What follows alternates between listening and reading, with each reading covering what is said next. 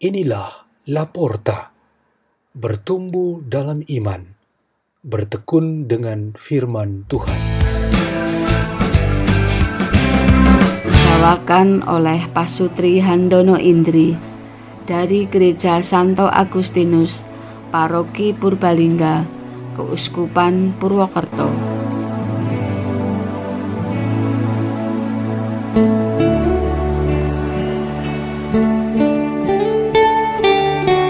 Bacaan dan Renungan Sabda Tuhan Hari Sabtu dalam Oktav Paskah 10 April 2021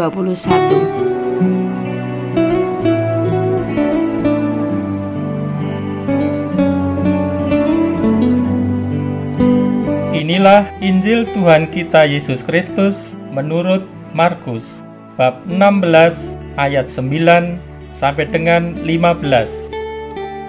Setelah Yesus bangkit dari antara orang mati, pagi-pagi pada hari pertama minggu itu, ia mula-mula menampakkan dirinya kepada Maria Magdalena.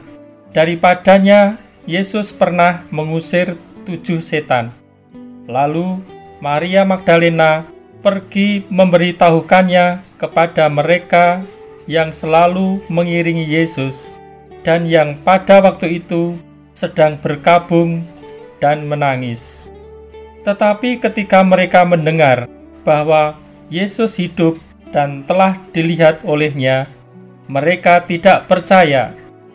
Sesudah itu, Yesus menampakkan diri dalam rupa yang lain kepada dua orang dari para murid ketika keduanya dalam perjalanan keluar kota.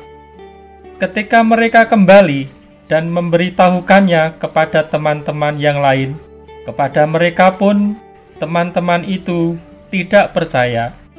Akhirnya, Yesus menampakkan diri kepada kesebelas orang itu ketika mereka sedang makan. Yesus mencela ketidakpercayaan dan kedegilan hati mereka, oleh karena mereka tidak percaya kepada orang-orang yang telah melihat dia sesudah kebangkitannya. Lalu Yesus berkata kepada mereka, "Pergilah ke seluruh dunia, beritakanlah Injil kepada segala makhluk." Demikianlah Injil Tuhan.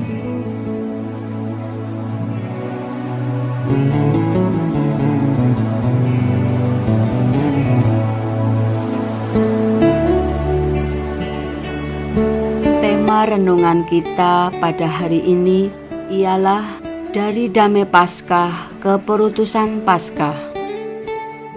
Pesan-pesan Yesus Kristus yang bangkit tentang Damai Paskah melalui serangkaian penampakan dirinya berbuah pada suatu ketahanan iman.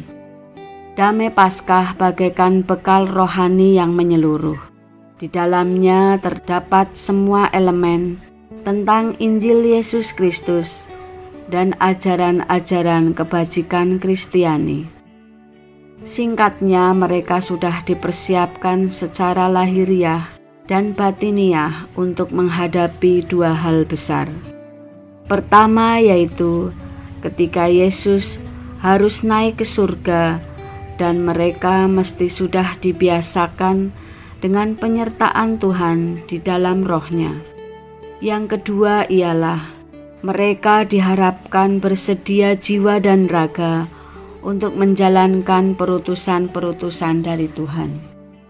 Banyaknya perutusan itu terbagi dalam perutusan masing-masing pribadi para murid dan perutusan bersama atau komunitas yang dinamakan Gereja Kristus.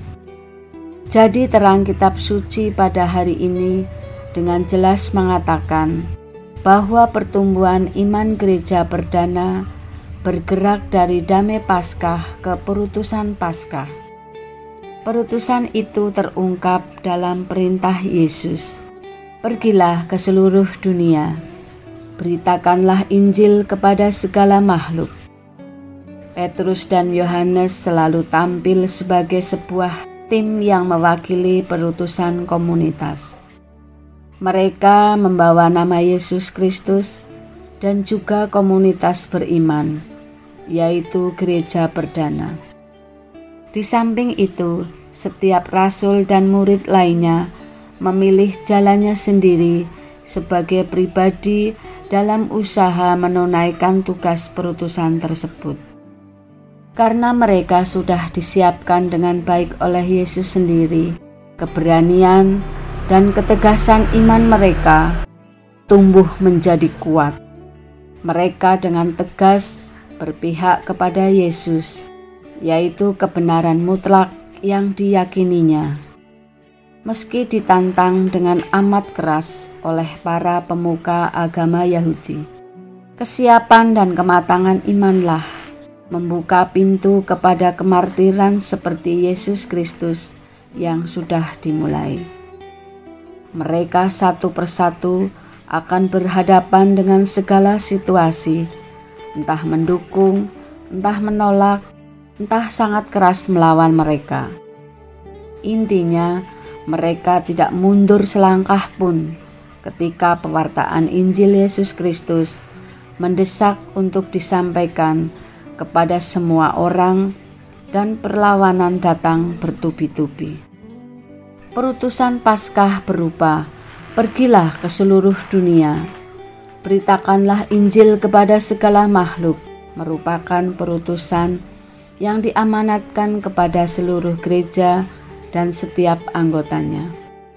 Setiap pengikut Kristus saat ini melakukan perutusan itu atas nama gereja dengan kepalanya Yesus Kristus. Secara formal, perutusan itu kita terima saat selesai ibadat dan ekaristi. Pemimpin ibadah selalu mengatakan di akhir perayaan, marilah pergi kita diutus. Dan secara informal dan pribadi, kita mengambil tanggung jawab ini untuk menjadi saksi-saksi Kristus di mana pun dan kapan pun dalam hidup ini. Marilah kita berdoa dalam nama Bapa dan Putra dan Roh Kudus.